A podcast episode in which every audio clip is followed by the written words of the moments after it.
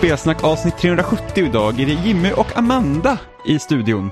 Goddagens. Nej Jimmy. Det är inte kvällens, för att det är faktiskt goddagens för att vi sitter mitt på dagen nu och, eh, och spelar in. Men det vet ju ingen annan. Nej, Förrän nu. nu vet de ju. Men du sa ju goddagens, jag tyckte att det var redan en liten hint om vad som komma skall. Man kan ju säga goddagens även om det är på kvällen. Då gör man väl fel? Det är ju fortfarande dag. Ja, men fast kväll. Jag skulle aldrig säga god kvällens på morgonen till exempel. Det säger sig självt. Vad viktig du är då. Ja, jag känner det. Men det är, det är viktigt att vara korrekt och exakt. Eller hur? Det är därför du säger godkvällens som inte betyder någonting. Snicksnack. Klart det betyder någonting. God kvällens är kvällens version av goddagens. Sen har du indoktrinerat Stefan med det här hemska uttrycket också. Ja, men det är ju bara beviset på att det faktiskt finns och existerar i våra liv från och med nu. Eller att du har Stefan lindat runt ditt lillfinger. Mm, Stefan. Ja, ja, åh nej, vad ska jag göra nu? jag visste liksom inte riktigt vad jag skulle svara på det där. Nej, Jag hade liksom inte tänkt ut det där i förhand. Eh, nej, nej då, är, då är det lite svårt. Eh, det var ju rätt så kul då efter förra veckans eh, bravader då om att eh, Playstation Store skulle stängas ner. För jag eh, i panik sprang ner och hämtade min PS3 för att jag kom på att det finns massa spel som jag vill ha som jag inte har spelat. Eh, och, och, och den största, liksom det jag kunde liksom komma på på en gång, det var ju Ratchet Clank Trilogy. Det var ju verkligen så att för att jag kommer ihåg när jag köpte PS3 och alla de här HD liksom, eh, utgåvorna kom. Så Jack and Daxter är ju ett spel som jag alltid hade velat spela. Eh, för när jag började läsa speltidningar, eller började prenumerera på Superplay, då tror jag att Jack and Daxter, nu ska vi se, det var tvåan som skulle komma ut då. Eh, ja, eller då hade jag prenumererat ett tag, men jag tror att ettan fanns redan. Men då, då liksom tvåan var och det var ju så här att, åh, alla coola vapen och det är typ så här Jack 2, det var typ så här GTA, fast eh, inte GTA då, men det var liksom, upp, alltså, första Jack and Daxter är som Super Mario 64 i princip. Det är liksom samma upplägg som där. Eh, och Super Mario 64, nästan som GTA. Ja, ja men första Jack and Daxter, andra Jack, Jack and Daxter, så Jack 2, det är som GTA. För då Okej. har du liksom en öppen värld och du gör uppdrag. Och, Du gjorde och... mig väldigt förvirrad. Ja, jag, jag, förvirrar mig själv nog också. Mm, jag förstår det. Eh, och sen var det ju då motparten, eller ja, det var Jack and Daxter och sen var det Ratchet and Clank. Och, och, och Ratchet and Clank var ju så här att, i alla fall på, undrar om det var Thomas Wiborg på Superplay som var väldigt förtjust i, i Ratchet Clank och då var det så att alla coola vapen, det var liksom fast en mängd olika vapen som man kunde köra. Och så har jag alltid velat spela det. Man är ju en farlig människa om man inte tycker om Ratchet Clank, kan jag tycka. Eh, ja, alltså jag har ju bara... Sådana människor ska man akta sig för. Jag har ju faktiskt bara spelat väldigt lite av det första spelet. För att eh, när jag köpte en Playstation 2 2007 på våren, då fick man med ett eh, rallyspel och första Ratchet Clank. Men jag hade inget minneskort då, så jag har liksom spelat typ en bit in på första banan på första Ratchet Clank ett par gånger. Eh, och sen när jag väl skaffade ett minneskort så var det inte så att jag spelade Ratchet Clank igen, utan det bara blev så. Och sen så spelade jag ju remaken när den kom. Eh, 2000... Som är fantastiskt bra. Ja, den är jättebra. Men det finns fortfarande ett stort gapande hål där i min Ratchet Clank-kunskap. För att jag har inte spelat då originaltrilogin, alltså Ratchet Clank 1, 2, 3. Och jag har heller inte spelat Ratchet Clank på PS3. Och eh, originaltrilogin är det enda jag inte har spelat. Eller jag har ju spelat en bit in i första spelet. Men jag spelar också på PS Vita. Och eh, jag vet liksom inte om det har med det att göra eller att jag kanske borde spela på en Playstation 3 egentligen. Men eh, man märker väldigt tydligt hur opolitligt det var på den tiden med eh, att röra kameran och att styra samtidigt. För att i vissa sekvenser, då måste man liksom ställa upp Ratchet så att han går på en rak linje och sen så här se till att han verkligen går rakt fram. Ehm, så det kan vara lite problematiskt ibland. Det är väldigt ofta som jag känner att det är svårt att navigera sig runt på de här plattformarna. Men vi har ju tänkt att spela igenom alla Ratchet Clank-spel, se filmen och sen göra någon form av specialavsnitt i närheten då till Rift Apart släpps. Ehm, och nu har vi ju alla spel. Ja, det är bara frågan om vi hinner typ ta igenom så här sex spel på eh, några månader. Alltså jag vill inte vara sån. De är rätt korta. Oh, men en, Plus, du sa, alltså i typ mitten av december eller någonting sånt, när du började spela Yakuza, att det här kommer nog ta ganska så lång tid och jag kommer nog spela ganska många spel emellan. Vilket spelade du nu på i ordningen? Jo, nummer sex. ja.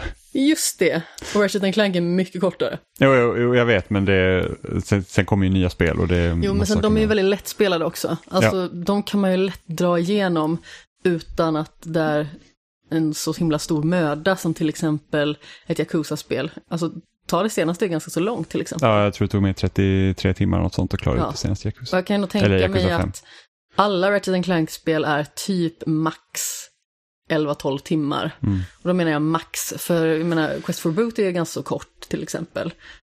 Eh, nu har jag ju spelat igenom remaken ganska nyligen så det behöver inte jag dra igenom igen. Nej men det kommer inte jag heller spela igen. Det kommer inte heller nej, nej, nej, för att det är ju ettan liksom. Ja, jo jag vet. Eh, man märker ju att vissa saker är ganska så likt. Nu när jag testade det på Playstation Vita då. För jag har ju trilogin på en liten, liten kassett. Mm. Men det känns också lite eh, alltså klumpigare naturligtvis. Mm. Så det ska bli intressant att se nu när jag faktiskt har en, en vapendragare att spela det parallellt med. Så det blir lättare att faktiskt ta sig igenom det. För att jag började och sen så Ibland så kan jag bli lite sån där när jag liksom inte har någonting som driver mig i rätt riktning, att jag lägger saker på is lite grann. Det handlar inte så mycket om att jag ger upp, utan det är mer typ så här, äh, jag tar tag i det här sen när ett bättre tillfälle ges. Men när du och jag spelar någonting parallellt till exempel, då kan inte jag göra det för att vi ska bli klara samtidigt och tillsammans. Mm. Så det är mycket lättare att jag faktiskt får saker gjort. För jag kan vara lite sån att jag hoppar igenom upplevelser och det har jag ju haft som lite så här smyg nyårslöfte vissa gånger att jag måste klara ett spel innan jag får påbörja ett nytt. Men sen så finns det hela tiden olika regler, till exempel måste man avsluta ett så här 100 timmar simulatorspel innan du får börja på en tre timmars upplevelse. Det är så himla svårt och så börjar man ändra om i reglerna och sen så har man helt plötsligt inga regler för sig själv. Egentligen ska ju spela, att, att spela vara anspråkslöst, så det är inte det. Men ibland så kan man börja lite för många upplevelser samtidigt och eh, jag vet inte, då tappar man kontroll över alla dem tror jag. Mm. Oftast. Det var spännande dock att ta upp sin PS3 för jag har inte haft igång min sedan eh, 2000 16. Förlåt, jag gick iväg på en sån här jättelång tur här och du bara så här, men jag vill ju plocka ah, på Playstation 3. Nej, men men det, var, det var väldigt spännande att ta upp Playstation 3 för det är så här att det är alltid lite spännande att ta upp gamla maskiner som man inte haft igång på ett tag, så bara, kommer den ens starta? Du vet? nu har min PS3, den har varit liksom nedpackad i en kartong sedan 2016 någon gång, tror jag. En bild av hur du sitter där med hjärtstartare och bara så här, det ja. måste funka. Ja, men det var, det var lite spännande för så, först så jag så att, ja men ska man koppla in den och sen så bara, måste logga in på PSN och då var det så att jag har ju tvåstegsverifiering på mitt konto, vilket inte existerade under PS3-tiden. Så då stod det så här, åh, ditt lösenord funkar inte för du har förmodligen satt på tvåstegsverifikation, så vänta på ett sms. Som man får liksom på, alltså loggar jag in på PSN på PS4 eller eh, telefonapp eller någonting sånt så får jag liksom ett sms och säger att här är din kod. Eh, och det kommer ingen kod. Och jag säger nähä? Det står att det ska komma ett sms, varför kommer det inget sms här? Så börjar jag googla runt, så här, va, varför kommer inte det upp? Och då är det så här att nej, det finns ingen sms-funktion för PS3. Och då blir man ju så här, nähä? Hur fan ska jag komma in på mitt konto? Jag vill inte stänga av tvåstegsverifikation. Eh, då finns det en sida man kan gå in på, så loggar man in då med sitt eh, konto och sen då får man ett sms och då får man ett nytt lösenord till PS3. Eh, så då fick man sätta in det. Så ja men bra, sagt och gjort, stoppar in det i PS3 och sen så får jag en error code. Och bara så nej du kan inte logga in just nu. Pröva igen lite senare. Så här, nej, vad är detta? Eh, och då är det tydligen ett vanligt fel på PS3 och jag kommer ihåg att jag hade jättemycket problem med, med 360 också, att logga in. Eh, för att i och för sig, då hade jag mobilt bredband så då var liksom reglerna lite annorlunda hur liksom knasigt det kunde vara att få det att funka när man liksom delade internet via en dongel in i datorn och sen dela från datorn till en konsol. Eh, men det var så här, och hur, så först trodde jag så att ja, men PS-store kanske är nere för det liksom var massa rapporter om att liksom, det är många som försöker logga in nu för att alla fick typ samma panik som jag fick. Eh, och eh, ska då försöka köpa massa spel. Eh, så jag, test, ja, men jag testar att starta om routern för det brukade funka. Och då, då kom jag in faktiskt. Sen är det ju en massa så här bekvämlighetsgrejer man har blivit van nu med så PS4 och PS5. Det är så att ens digitala bibliotek existerar inte på PS3 liksom i själva maskinen utan man kan se vilka spel man har installerade i en jättekonstig lista. Jag tycker inte alls om PS3ans interface här. Eh, men liksom för att hitta spel som du har köpt då måste du gå in i butiken och gå in i liksom din download history. Så det undrar jag, vad händer om de stänger ner butiken i, på, på PS3? Hur kommer jag åt då min liksom historik? Kommer jag inte kunna göra det? Och då är frågan så att då måste man ju ladda ner allt man äger helt enkelt.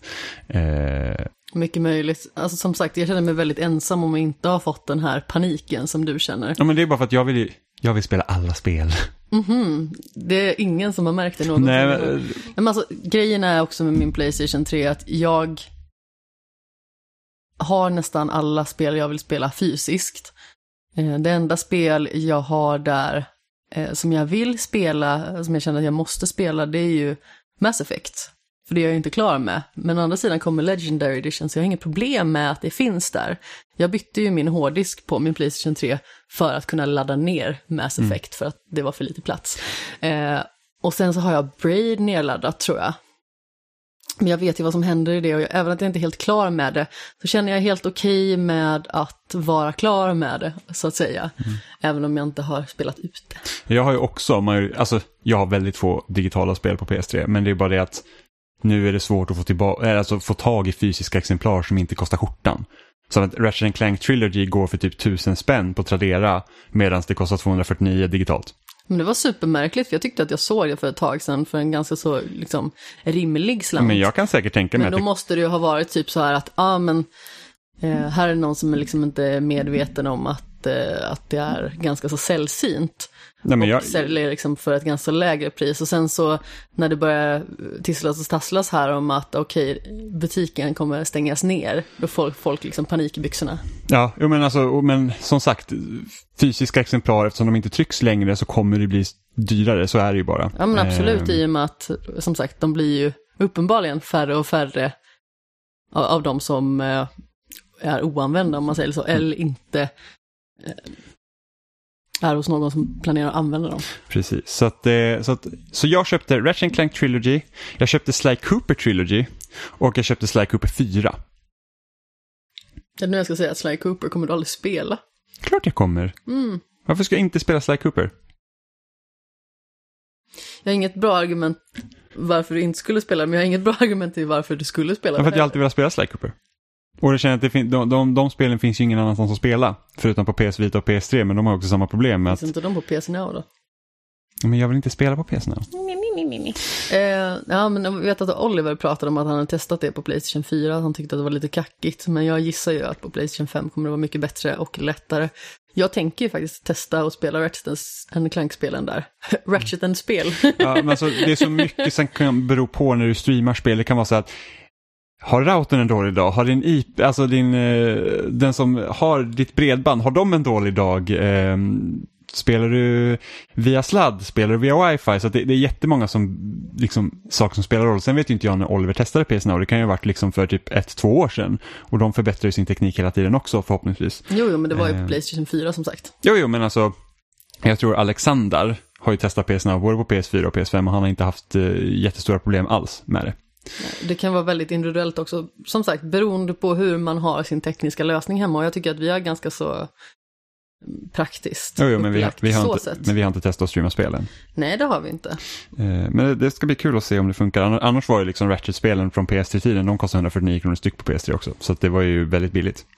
Ja, Eh, sen så har vi ju dem i hyllan också. Så jo, men om vi skulle det spela... var ju i full färd med att köpa alla när jag kom ja, hem och säger för att, stopp nu, håll i hatten. för att jag litar inte på att PS Now kommer vara en behaglig upplevelse. Nej, men jag säger inte att du ska spela Nej, nej, nej, på men det. så att man vet att ifall att det skulle vara olidligt att spela via PS Now så kan vi alltid köpa dem så vi har dubbla uppsättningar. Ja. Men som sagt, jag har ju dem fysiskt, eller vi har dem fysiskt till och med, i och med att det är våra tillsammans Jo, jo, jo, men det är bara en som kan spela samtidigt då Ja. om vi ska spela tillsammans. Samtidigt om PS Now så- inte funkar. Om det skulle vara så att vi håller på att krevera och det är väldigt synd om oss för att inte vi har dubbla uppsättningar av Ratchet Clank, eh, så skulle vi kunna göra så att eh, den ena börjar på det andra spelet lite tidigare och så spelar man dem i ordningen då. Bara det att den ena spelar ja, men det det är inte lika, ro- det är och så inte lika roligt. Jag har ju spelat igenom alla de här spelen, jag kan ju spela dem efter dig. Eller före dig, jag vet inte. Spelar ingen roll. Ja, men i alla fall, det var vår lilla PS3-historia. Nu ligger min PS3 under tv-bänken som är för första gången på typ sex år. Så att, Min ligger i skrivbordet. ja.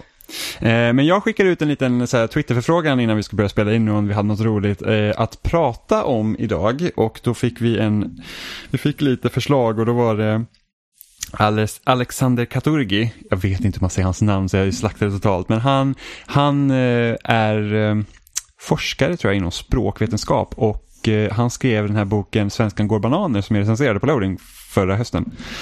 Och han tyckte då att vi ska prata om spelspråk och, och spelöversättningen och det är så här, jag kan ju inte säga att det är några av våra expertisområden. Men eh, personen i fråga får gärna vara med och gästa någon gång och prata om översättningar och hur, hur det fungerar och, och, vad man tänker på. Liksom. Och sen vår eh, gode vän Alexander Jobbar eh, också Renman. med, ja. Ja, jag tror han eh, jobbade på, jag tror han har varit med och översatt lite till Miles Morales. Ja, men precis. Och, Så då hade vi kunnat ta med båda dem. ja men precis, så, så det, det är väldigt spännande liksom hur, hur man Kommer inte alls arbetar. bli förvirrande med deras namn. Nej, nej, precis, Alexander och Alexander, det är kul. Herr K och herr R. I och för sig, vi döpte ju om eh, Alexander Renman till någonting. Vad var jag det nu igen? minns inte. Helen. Helen. Just det, Helen om du lyssnar. Du är officiellt inbjuden. Eh, för, det, för det är ganska kul, för jag, jag kommer ihåg att, inte för att jag säger så här, djupt intresserad av, eh, av språk, liksom, alltså av, av översättningar och sånt, men jag kommer ihåg när jag började läsa manga på, i början av 2000-talet. Då var det ju väldigt mycket så här att de, alltså speciellt då Bonnier Carlsen som var, jag tror de var störst i Sverige på att eh, översätta manga. Så det var liksom så här, hur tänker man och hur ska man få eh, skämten att funka så? Och mangaöversättningar på svenska just av Bonnier Carlsen var verkligen skitbra. Eh, jag tyckte att många av de valen var mycket bättre än till exempel när jag läst eh, engelska scanlations. Hur liksom eh, man har valt att översätta vissa namn eller hur man vrider och vänder på saker och ting. Så att, det, så att, så att de gjorde ett väldigt bra jobb. Eh, men jag såg ett, eh, apropå språk och översättningar, för jag har ju spelat väldigt mycket Yakuza nu som har jag kört på originalspråk. Eh, och eh, jag vet ju att det finns ett par spel i serien som faktiskt har lokaliserat till engelska. Och då såg jag ett klipp från Yakuza Like a Dragon på engelska. Och det känns väldigt eh, märkligt att se eh, då, liksom den världen och de karaktären pratar något annat än japanska. Och det är liksom, jag var så att nej, jag skulle aldrig, aldrig kunna spela det här på något annat språk än japanska. Men det är samma sak, jag fick ju lite panik när jag skulle börja se, jag tror det var tredje säsongen av La Casa de Papel. Och då hade Netflix autodubbat den. Det vill säga att jag hade liksom inte fått välja om jag skulle köra den dubbade versionen eller spanska som är originalspråk. Som man naturligtvis vill ha. Eh, och jag bara så här, varför pratar de engelska? Vad är det här? Det känns jättekonstigt. Hur rör de munnen? Alltså, blev jätteförvirrad och sen bara, åh, nej. Så jag var tvungen att gå in i inställningar ända tillbaka till spanska. Sen finns det ju faktiskt, det finns ju faktiskt spel som översätts till svenska. Eh, speciellt då spel som är, är tänkt att vara till en yngre publik. Och då är det ju inte lika mycket problem i Nej, nej. att det liksom inte är så här faktiska ansikten som man behöver anpassa lika mycket. Nej, men typ jag vet att Viva Piñata, första Forza Horizon är dubbat till svenska. Första Eh. gången jag spelade Ratchet Clank remaken spelade jag på svenska, för att jag hade det som systemspråk då. Ja, det är ju något som jag faktiskt avskyr, det är just det att, att, att, att översättningar går efter systemspråk och det går inte att ändra om man inte ändrar i systemspråket. Det är lite avskyvärt, ja. Det är därför jag eh, har min Xbox. väldigt bra. Faktiskt. Det är därför jag har min Xbox på engelska. Eh, just för att jag vill inte spela Forza Horizon med Ash Ketchum som pratar i, i, liksom, i min i min högtalare. Det är liksom, nej, jag, jag kan liksom inte koppla bort den här personen från den. Eh, sen tror jag att första Resistance är dubbat till svenska. Åh, Vad händer nu? Resistance alltså. Ja, första Resistance är dubbat till svenska. För jag, Jag, började skratta samtidigt som jag drack, så blev det bubblor. för jag tror huvudpersonen i, eh, i Resistance, eller i alla fall som var hade voiceovern i trailern i alla fall, som var på svenska, eh, har varit med i Skilda Världar. Åh nej. Så, att, eh, så det, det är lite spännande. Eh, Sen den här... Eh, jag är hes och eh, är alltid med i alla tvättmedelsreklamer. Den snubben är ju alltid med i allting. Typ Jysk-reklamen. Men inte, eh, jag undrar om inte Säkert. det är samma person som typ har rösten till Daffy Duck i svenska. Alltså det är en väldigt lik röst till han som gör rösten till Ben Ravencroft i en Scooby-Doo-film. Väldigt smal referens. Men det där Scooby-Doo häxans spöke tror jag att den heter eller någonting. För att den rösten är så himla lik alla tvättmedelsreklamer någonsin. Ja, det, det är ju så det är. Eh, sen fick vi en till eh, liten eh, förfrågan och det här var faktiskt någonting vi hade tänkt att prata om idag och det är då att 3DS fyller 10 år. Eh, nu har jag varit så osmart att inte kollat upp när 3DS faktiskt släpptes i Europa men 27 mars var det som den släpptes i USA och jag vet att den kom ut i mars här också. Eh, och det... Men vilket mars? Nej, jag ja, vilket mars? Planeten Mars. Det var lång, det var lång, eh, det var lång pendlingsavstånd för att köpa en 3DS. Bra internetuppkoppling. Mm, precis. Eh, och då Thomas Engström då som har skrivit eh, att vi, han vill att vi ska prata lite om 3DS och så här, minns ni alla rent av eh, första tankarna kring den E3-uppvisningen och var ni var och hade ni någon DS vid det här laget och var ni pepp på en uppgradering? Så jag vill faktiskt fråga dig Amanda. Nej på alla frågor. Nej på alla frågor, jag har ingen koll men vi kan väl köra så här då. Hade du en DS? Nej. Har du någonsin haft en DS? Nej. Så din 3DS var den första DSen du har haft? Ja. ja.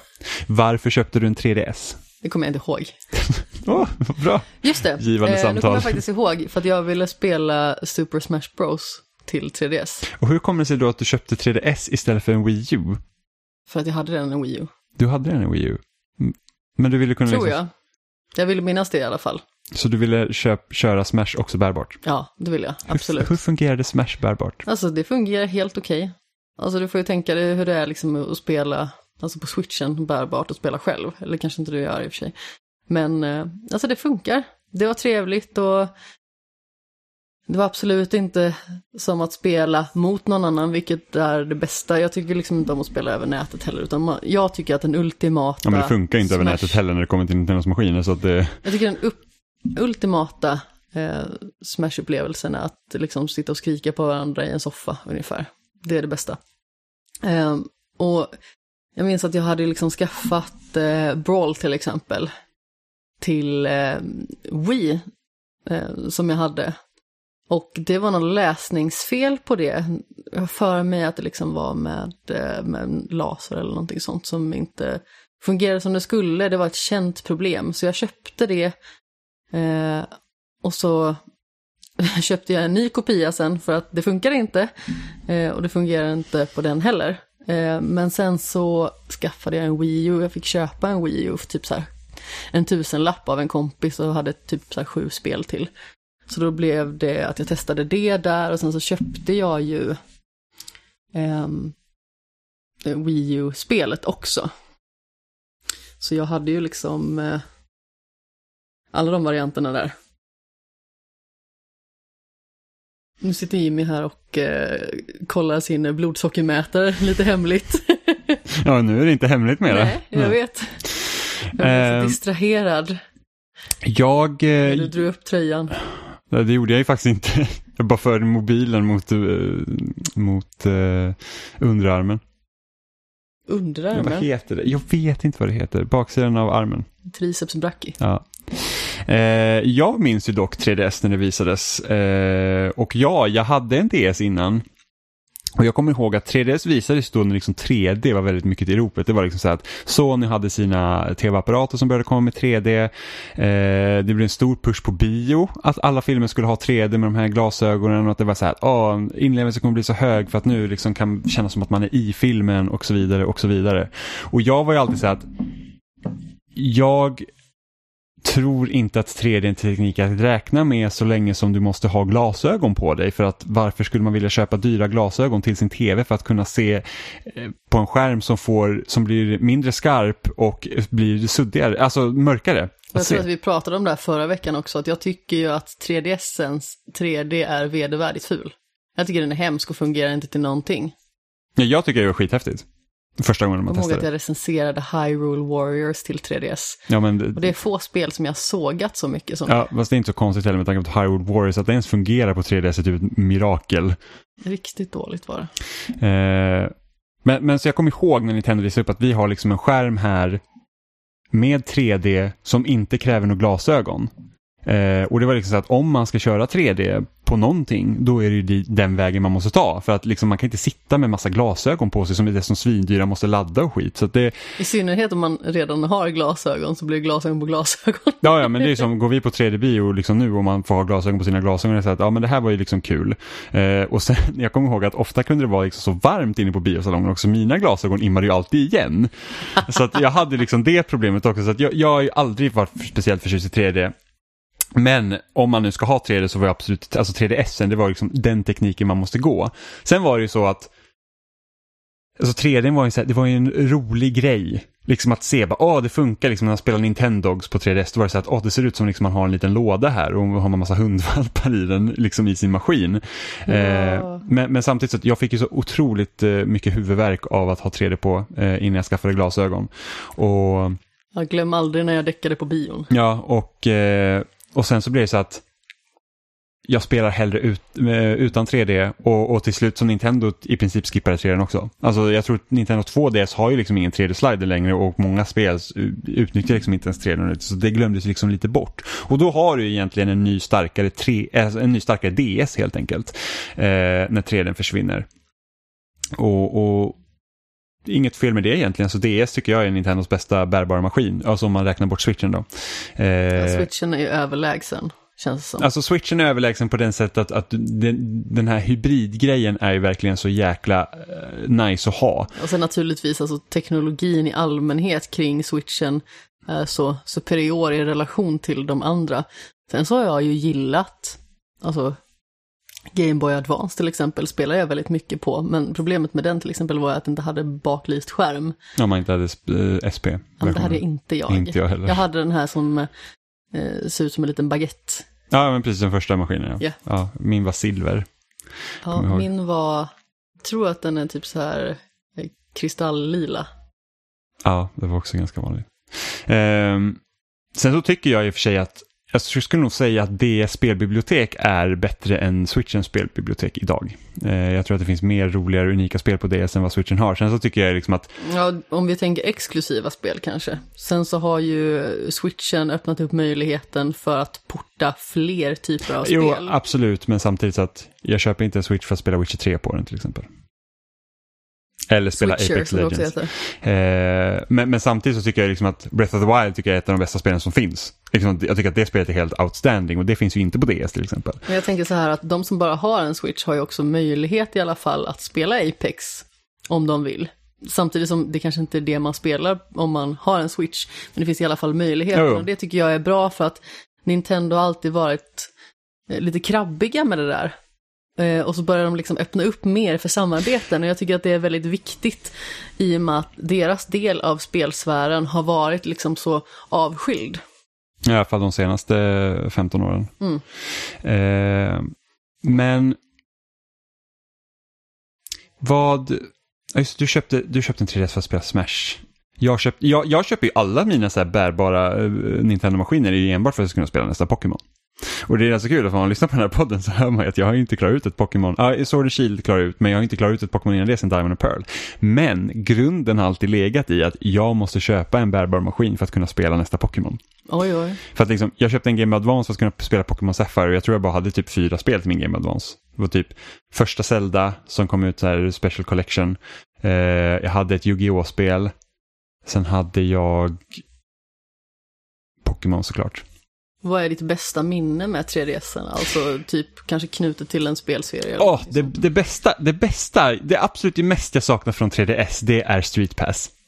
För det är så jäkla roligt med Street Pass. Det är, så att Visst, det är. Okay. bor man ute på landet så kommer du inte få någon träff på din Street Pass. Så du använder ju liksom inte din 3DS på det sättet egentligen alls. Jag, jag, kan tänka mig att det är rätt svårt i Sverige överlag att använda Street Pass på någon större liksom, eh, liksom vardaglig grej. Alltså, jag testade att kunna vara ute i Stockholm en dag och hade streetpass på eh, några år liksom efter att 3DS kom ut. Jag fick inte en enda träff. Men det roligaste var när vi hade spelträffar och sånt där. Och alla hade, vi hade liksom ett bord i mitten där alla la sina 3DS när liksom alla gick och la sig. Och så fick de inte, så, så upp på morgonen Street Pass, samla de här hela pusselbitarna, köra de här minispelen och komma ut. Alltså det var så jäkla roligt. Sen när vi typ på Retrospelsmässan och så, hade man, så visste man att alla så här nördar var ju där så då fick man jättemånga olika Street Pass. Eh, så det är nog det faktiskt jag saknar mest, den liksom den sociala aspekten som fanns där med 3DS, en liksom ganska lekfull grej som inte finns på egentligen någon annan. När var du på Retrospelsmässan? Eh, 2000, jag har varit flera gånger. Jag har typ varit, kan det varit tre, jag tror det varit tre år i rad. Senast var nog 2015 eller 2016. Ah, okay. 2016 tror jag att jag var där. Ja. Jag minns inte vad det var 2016, men 2015 definitivt. Jag ibland köpte vi... mina fabulösa Megaman-vantar. Stickade, jättefina. För vi hade, alltid, vi hade alltid en spelträff i anslutning till Retrospelsmässan och ibland så gick inte jag på själva mässan utan jag åkte bara ner för att uh, vara på spelträffen.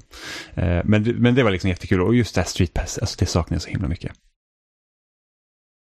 Okej. Okay. Har du något annat favorit? Har du spelat något annat på, på 3DS förutom Smash? Jag har spelat ganska mycket på 3DS. Ja, men något som du liksom känner så att, åh, det här var liksom värt maskinen. Ja, absolut. Alla Fire Emblem-spel. Just det. För... Det är det viktigaste för mig när det gäller 3DS. För att jag fick upp ögonen för Fire Emblem ordentligt. Eh, alltså naturligtvis, Smash var ju ingångsporten där. Eh, till ett visst intresse för Smash i och med att jag älskar Marth och det är min huvudkaraktär som jag alltid spelar med i förstahandsvalet. Men sen så fick jag liksom in en liten fot i Fire Emblem för jag skulle recensera Fates Conquest för IGN. Och jag tyckte att det var så himla bra och så himla mysigt så då skaffade jag också Birthright och sen så skaffade jag Awakening så jag spelade dem i fel ordning.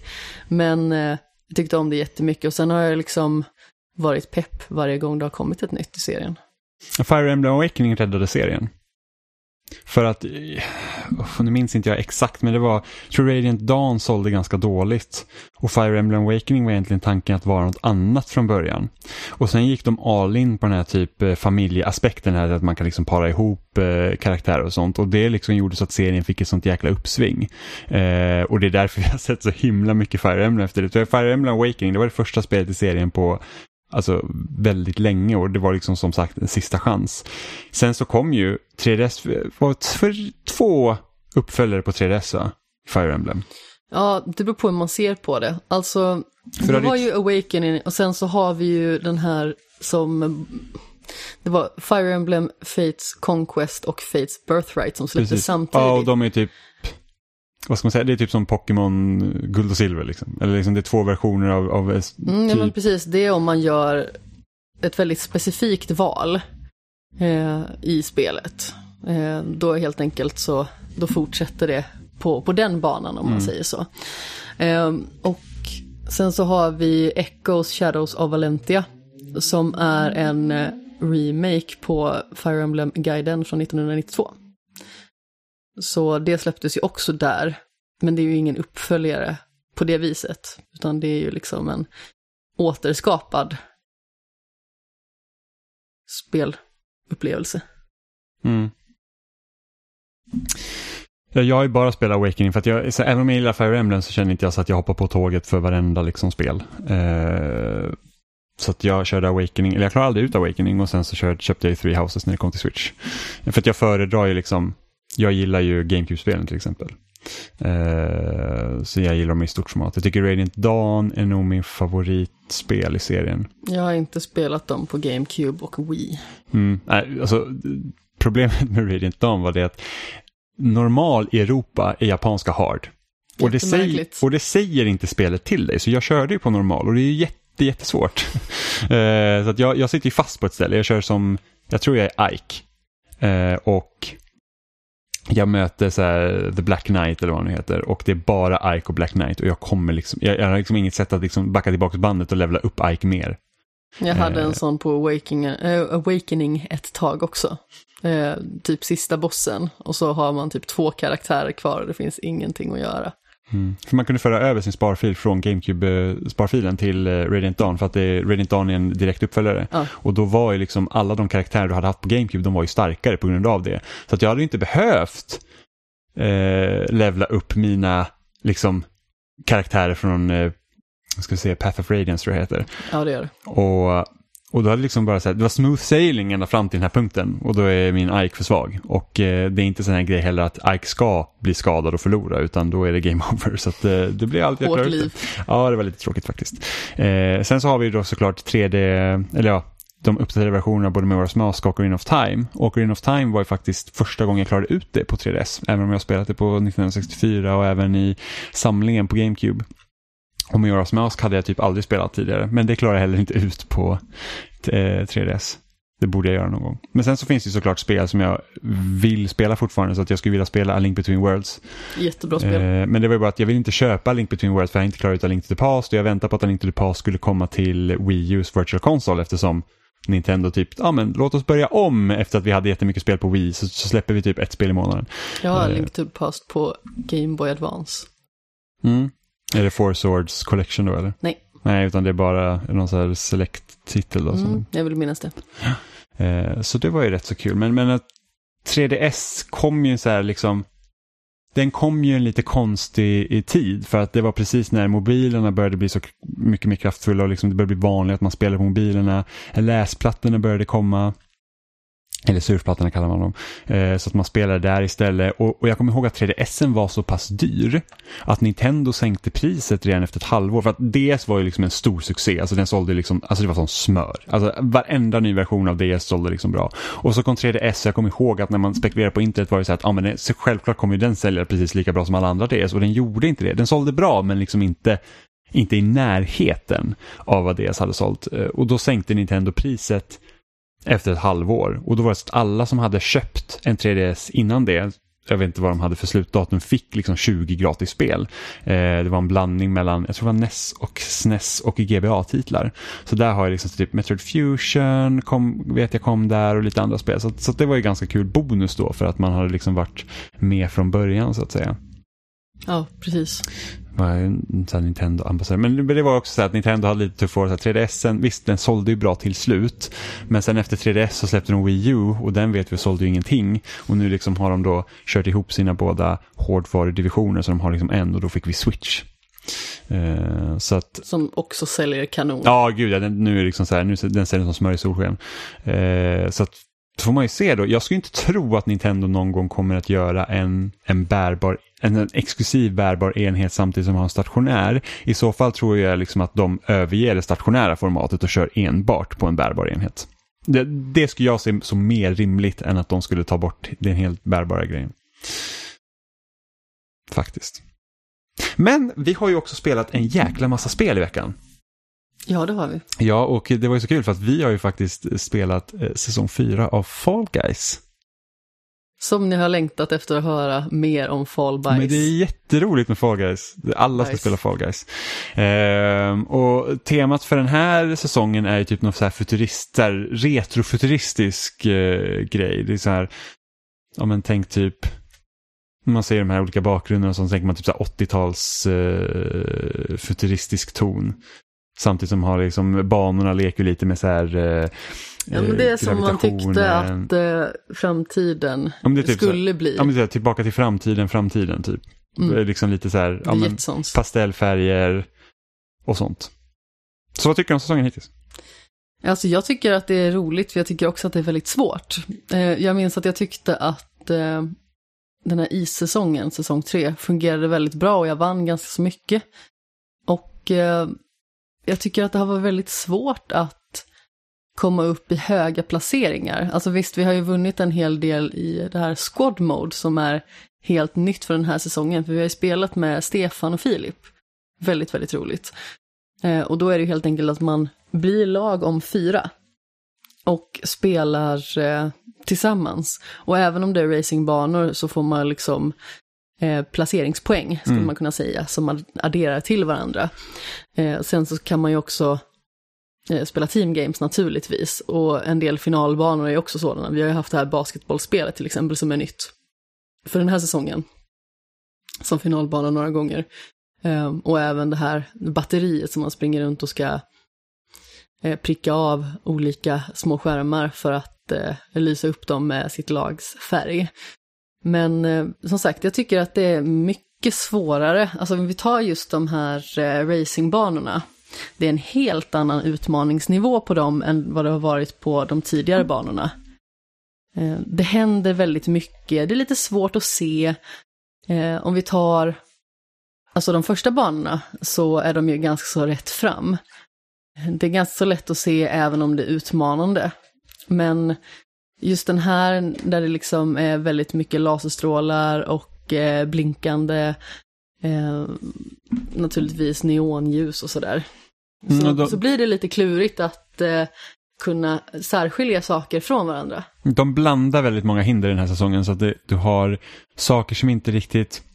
Jag känner så här att det finns ingen riktigt mjuk uppbyggnad till vissa hinder utan det, det bara händer. Eh, om man ser de andra banorna så brukar ofta det börja lite, lite liksom så här enkelt och sen så liksom bygger det på. Eh, och här känner jag ibland liksom att, så här, nu är det lite väl mycket på en och samma gång vilket gör att om man blir träffad och sådana här grejer så är det så att ah, det, det, liksom känns, det känns inte bara som att åh, nu, nu gjorde jag bort mig utan det liksom blir också så här att åh, vad irriterad jag blir också. Jag känner att definitionen av den här säsongen lite grann är den här långa hinderbanan när man hoppar ut i eh, den här eh, gravitationslösa delen och man får en planet i huvudet det första man får och trillar ner.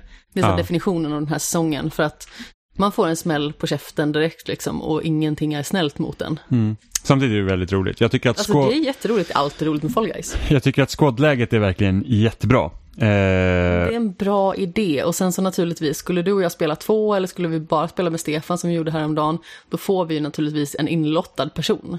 Två. Men, men det är liksom, för det vet jag att folk har pratat om tidigare, sen det finns liksom redan team games och jag tror att alla jäckas ju av att när man åker ut i team games om det liksom inte är ens eget fel. Det är Eh, aldrig ens egen fel. men- Men... Det man ju inse vid det här laget. men det är verkligen så att det är en skitbra idé där man får poäng och liksom man får olika placeringar. Det gör ju också liksom att man, även om man har, är lite sämre så kan man fortfarande liksom dras med om man har bättre Man teammedlemmar. kan ju trilla ut och ändå skrynkla sig med. Ja men precis och, och jag tror det är väldigt bra också för kanske nya spelare för att du får ju spela klart banorna. Även om, om för att det finns ingen tid, liksom tidsgränsen är inte samma sak som tidigare för att där är det så att ja, men nu har tillräckligt många gått i mål så då, då är det liksom klart. Här har du ofta chansen att spela klart banan även om du inte kommer komma, gå vidare så jag kan tänka mig att det kan vara ganska snällt mot nya spelare. Men det är en bra inkörsport för att då åker man liksom inte ut på första banan och så får man aldrig se Mm. något annat. Dock så trodde vi att det skulle vara mycket lättare att vinna eftersom vi har spelat så mycket Fall Guys än vad faktiskt är och vi vann ju vår första squadleg. Vi bara yes! För att vi, Vi, försöker är ju... bäst, vi kommer vinna allt. Vi, vi, försöker ju, vi försöker ju ta den här, eh, åt dig och Filip i alla fall, att ta den här eh, trofén att man ska vinna fem eh, hela matcher Ja, i rad. Precis. Det är den sista trofén jag har kvar att vinna. Jag vann ju första kvällen vi satt och spelade, så vann jag ju den här man ska vinna eh, tre laget, eller fler, helt enkelt. Mm. Eh, och eh, då är jag uppe på 91 procent och en liten skrynklig trofé kvar. Mm. Och, och, ha. och då vann vi vår första match, vi var så här, ja men det här blir enkelt, nu, nu, liksom, nu kör vi. Och det är liksom, det är fan svårt alltså. Vi har kommit eh, väldigt nära tre. För jag tror eh, en av mina största problem jag har lite med den nya säsongen är att de, de har, det är väldigt många banor som går ut på att du ska liksom, ta tag i någonting. Eh, liksom, an- antingen du ska ta tag i batteriet eller basketbollen. Eh, och det, det är så pass, och speciellt när det kommer som finalbana, det är så pass opolitligt att, att eh, många gånger så förlorar man på att det helt enkelt inte funkar och det är frustrerande. För att jag har fått problem sen, sen vi faktiskt kör på ditt bredband som förmodligen är bättre än det jag hade när jag bodde uppe i Flemingsberg, är ju det att jag får inte tag i folk. Alltså även om jag står bredvid dem och försöker ta tag i dem så tar inte min gubbe tag i dem. Den tar hellre tag i mina egna lagkamrater än en motståndare. Eh, så till exempel Royal Fumble som är en finalbana som går ut på att det är en som har en svans och då ska man försöka sno svansen och ha den på sig när tiden går ut. Enda finalbanan jag aldrig har vunnit. och den brukar jag vara ganska säker på att vinna. Alltså när, när jag körde liksom när spelet var relativt nytt så var det så att kommer den så vet jag att det är goda chanser att jag kommer iväg. Men hittills så fort jag får svansen så blir det någon som tar svansen från mig på jättelångt avstånd. Alltså, ibland så ser jag inte ens personen i bild förrän min svans är borta. Och jag får inte tag i svansen fast jag försöker ta tag i den som har den. Eh, vilket är otroligt frustrerande. Och speciellt då om man åker ut på final, speciellt när vi har kört liksom squadläget och vill ha de här fem vinsterna i rad. Och det är liksom så att vi har försökt ta tag i den här nu så många gånger och ingenting händer. Då blir jag liksom så här, ja, då blir man lite sur liksom. Okej okay, om det kommer en bana mitt i matchen, så att, ja, men liksom när det är final mm. och det man åker ut på att liksom, det är inte tillräckligt en välfungerande funktion. Samtidigt tycker jag att det är ganska rolig dynamik, liksom det här att när man spelar i squadläget då kan det vara team games som finalbana. Jag vet att team games är kanske inte riktigt alltid uppskattat, men samtidigt så är det ju roligt att det blir lite annorlunda. Oj, så oj. att det liksom till exempel är att ja, nu måste vi som lag vinna för att vinna allt. Eh, och då har vi ju till exempel en gång, eller flera gånger kanske till och med, fått jinx i final. Ja, vilket också går ut på att man ska ta tag i folk. Jag vet, alltså det är naturligtvis lite olyckligt att det just är det. Och det har vi förlorat på många gånger, att det, det är liksom... Men det är ändå roligt att det blir lite annorlunda. Ja, absolut. Sen jag... är det svårt som attan. Jag kommer ihåg att jag sprang kvar sist och var livrädd. Ja, ja, men, och, och, jag var så nära på att få motståndare, men liksom min gubbe tar inte tag. Ja. Eh, men precis, team games i final är ju annars en rolig idé. Så jag tycker fallball som final är ju liksom kanon. För att det är liksom, där går det bara ut på att man ska hoppa på den jävla bollen och försöka göra mål på varandras liksom mål då. och och, och, och där, där fungerar det ju bra. Eh, och det är en väldigt rolig grej. Så att det är kul. Så att jag är väldigt glad att Fall Guys liksom fortfarande, liksom de, det är fortfarande jättebra och det är liksom den här och det, det, det vet när spelet var nytt var det så att ah, det måste komma nya banor ganska fort för annars kommer man eh, tappa intresset. Eh, och jag tyckte liksom att, jag kommer ihåg att när säsong två var liksom satt, vad var det, två eller tre månader in i framtiden, jag bara, det, för, det tar för lång tid. Men eh, jag tycker att han inte det. Inte, inte nu när liksom man har vant in sig med spelet och det blir så att vi spelar inte Fall Guys hela tiden, vilket gör att jag tycker den här eh, tidsspannet mellan säsongerna är väldigt bra. Och speciellt Absolut. när de släpper den här stora, det är sju nya banor i den här säsongen. Ja, det är sju stycken. Jag mm fick för mig att det var sex stycken. Mm. Men alltså de är ju väldigt generösa med nytt material, alltså de är snabba på nya uppdateringar, de har väl märkt liksom att folk kommer till level 40 mycket fortare, så den här gången så är det level 50 som man kan komma till till exempel, det är ny musik, alltså de är ju väldigt effektiva ja, och, och, generösa. Och sen har de ju alltid så här, eh, så här mid-season update också där de ändrar de existerande banorna redan. Mm, liksom, eller lägger till en bana för ja, all del. Och låter komma liksom nya varianter och det är verkligen jättekul för då mm. kommer man liksom tillbaka med jämna mellanrum. Så att det, det, det är och nu när Epic äger dem också så kommer mm. de ha liksom mer resurser att kunna fortsätta utveckla mm. spelet. Och jag hoppas ju att när väl spelet kommer till uh, andra plattformar att ett, de fixar ett konto så att man kan liksom spela, det spelar ingen roll om jag spelar på Xbox eller Switch eller Playstation utan eller jag PC. Eller PC. Jag spelar liksom med samma samma liksom karaktär, jag har samma skins och allt på över plattformarna. Mm. Och sen det att jag hoppas att crossplay kommer. Så att man kan spela me mellan de olika plattformarna. Ja, absolut. Det låter väl som att det inte är helt orimligt att det skulle kunna bli alltså, så. Jag undrar, är det inte Epic Games som äger Rocket League-utvecklarna också?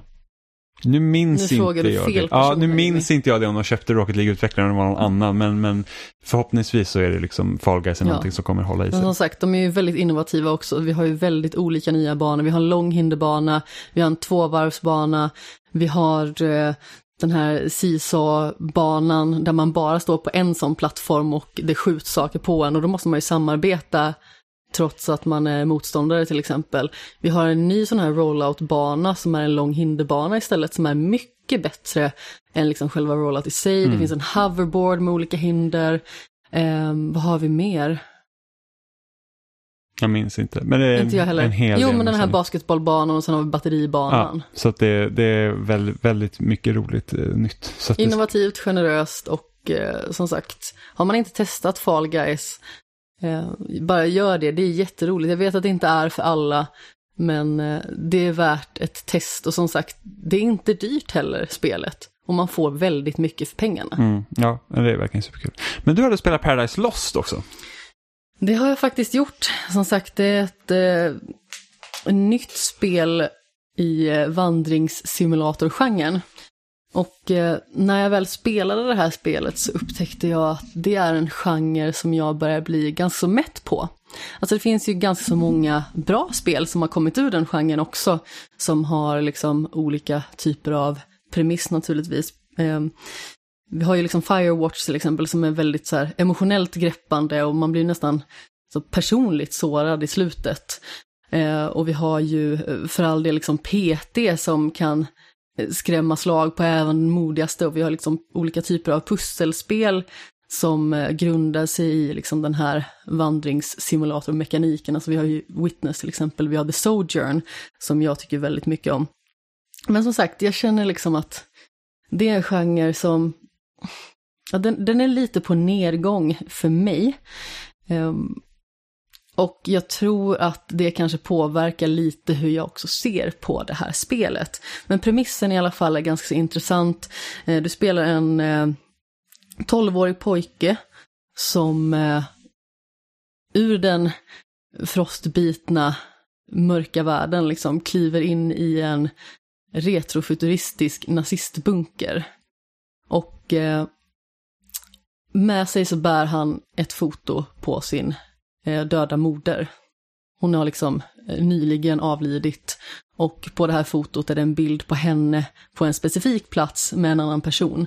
Och det här stället vill, hon, vill han ta sig till för att liksom kunna få reda på mer vad som hände. Och inledningsvis så blev jag väldigt rädd i det här spelet för att eh, vi vet ju alla liksom hur läskigt Gone Home var när man spelade det första gången. Det är liksom ett öde, stort hus, det är mörkt, det är Oscar och så vidare. Man tror hela tiden att något hemskt ska hända. Men det gör aldrig det. Och lite så är det i början av det här spelet också. Jag vet ju liksom att jag kommer inte stöta på någon. Men när man går in i en mörk bunker och ljuset är helt släckt och man måste gå i total svärta, då är det inte kul. Så jag var tvungen att be dig att spela för att jag var så himla rädd. Och jag är ju en superfegis. Men det hjälpte inte heller att det var så pass mörkt att det var svårt att se vart man ens skulle gå. Jag tror jag gick in i väggen ett par gånger också. Ja, ja men alltså, det var ju helt kolsvart, man kunde inte se någonting. Och till slut så fipplar man då fram en tändare så att man kan se några centimeter i alla fall. Och jag bara så jag gör inte det här, jag kan inte göra det här. Eh, för jag förmådde mig liksom inte att gå en centimeter till. För att även att jag vet att det kommer liksom inte komma upp någonting och attackera mig, så blir jag ändå så irrationellt rädd på något vis. Men sen naturligtvis så återfår ju bunken eh, sitt lyse och man kan vandra vidare ner i underjorden, för där är liksom en, en stor uppbyggd civilisation skulle man kunna säga, som också har raserats. Vi kan ju också nämna så här att Paradise Lost-spelet handlar om att andra världskriget fick liksom en helt annan eh, utkomst. Eh, så att eh, kriget pågick i 20 år till. Och eh, under tiden eh, så byggdes den här typen av eh, underjordisk, eh, jag vet inte om man ska säga, samhällsstruktur. Så man vandrar helt e-, enkelt liksom igenom olika typer av platser i den här bunkern. Det är liksom allt ifrån så här övergivna tågvagnar, eh, maskinrum, man får även liksom stöta på eh, stora vapen och grandiosa hallar Ehm, stationer där man måste stämpla in naturligtvis och, och sådant. Eh, men som sagt, det känns som att tekniken är ganska så avancerad för den här tiden i alla fall. Eh, och sen så liksom blir det eh, vissa sekvenser som är lite mer obehagliga, det blir liksom lite mer så här forskningsfaciliteter eh, där man märker att eh, här är det saker som inte har gått Helt, helt korrekt till. Nazisterna var ju väldigt kända för att experimentera med en jäkla massa konstigheter. Precis. Eh, och eh, det i alla fall får man stöta på just i det här spelet. Och när man är ute på den här lilla vandringen genom tunnlarna så hör man helt plötsligt en röst som tillhör en flicka som heter Eva. Och hennes röst hör man genom bunkens då högtalarsystem. Så man pratar med henne genom olika typer av mikrofoner. Eh, genom det här stället helt enkelt.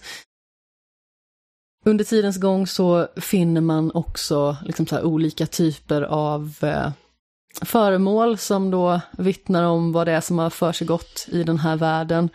Man hittar olika typer av meddelanden, det kan vara till anhöriga eller överbefälhavare och sådant. Man kan hitta personliga tillhörigheter, protokoll, ritningar och så vidare. Det finns väldigt mycket att eh, studera. Så det är hela tiden ganska intressant. Men det är någonting som gör liksom att det rycker inte riktigt tag i mig som till exempel då Gone Home gjorde eller What Remains of Edith Finch gjorde. För det känns som att de gör någonting särskilt. I det här spelet så finns det liksom inga avancerade pusselmoment mer än att du drar i en spak, du trycker på en knapp, du går hit, eh, du kanske behöver ta en omväg och så vidare. Det är liksom inte avancerat på det sättet. Men jag tycker inte berättelsen är tillräckligt spännande heller för att få mig emotionellt investerad. Och jag tror att det har att göra med, alltså dels så har vi ju två personer som är viktiga för Simon, som han heter då.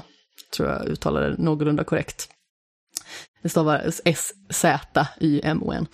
Ehm, och då i alla fall så har vi hans mamma, som man får se lite tillbakablickar med. Man får även liksom se när han just har begravt henne och det är naturligtvis väldigt hemskt och Eh, hela världen känns ju så himla öde och mörk. Och med tanke på liksom nazisternas framfart de här extra 20 åren så är ju liksom Europa väldigt ödelagt, där mörkt, det är kallt, liksom ett kargt landskap eh, och väldigt övergivet. Men jag tycker man får inte tillräckligt med tillbakablickar med den här mamman. Så det känns liksom inte riktigt som att jag är så investerad i att hitta den här hemligheten, även att man säger att om jag är i zon 1 nu eller zon 2 och så vidare eh, och kommer närmare den här platsen där fotot togs på. Eh, och sen så har vi Eva som eh, man liksom får någon form av relation till, om man säger så, liksom via dialog.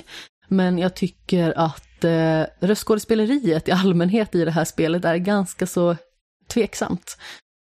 Vilket gör liksom att det är svårt att knyta an till karaktärerna och jag tror att manuset bidrar nog inte så jättemycket till den här emotionella investeringen som man vill känna. Så jag tycker att det är väldigt synd, för det känns som att spelet har en säregen premiss, det är intressant i sin grund, men jag tror att utförandet är inte riktigt där. Och det är väldigt mm. synd. Det var ju faktiskt du som uh, la upp det här liksom för intressekoll då. Ja, jag såg en trailer på det och du tyckte det såg spännande mm. ut.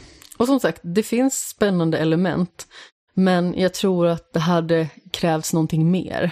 Om du förstår vad jag mm. menar liksom i det avseendet. Du har ju sett lite när jag har spelat. Mm. Och det är ju liksom inte undermåligt eller underväldigande så sett, utan det är bara det att ja, men det är ett hyfsat spel, men det är inte så mycket mer än så.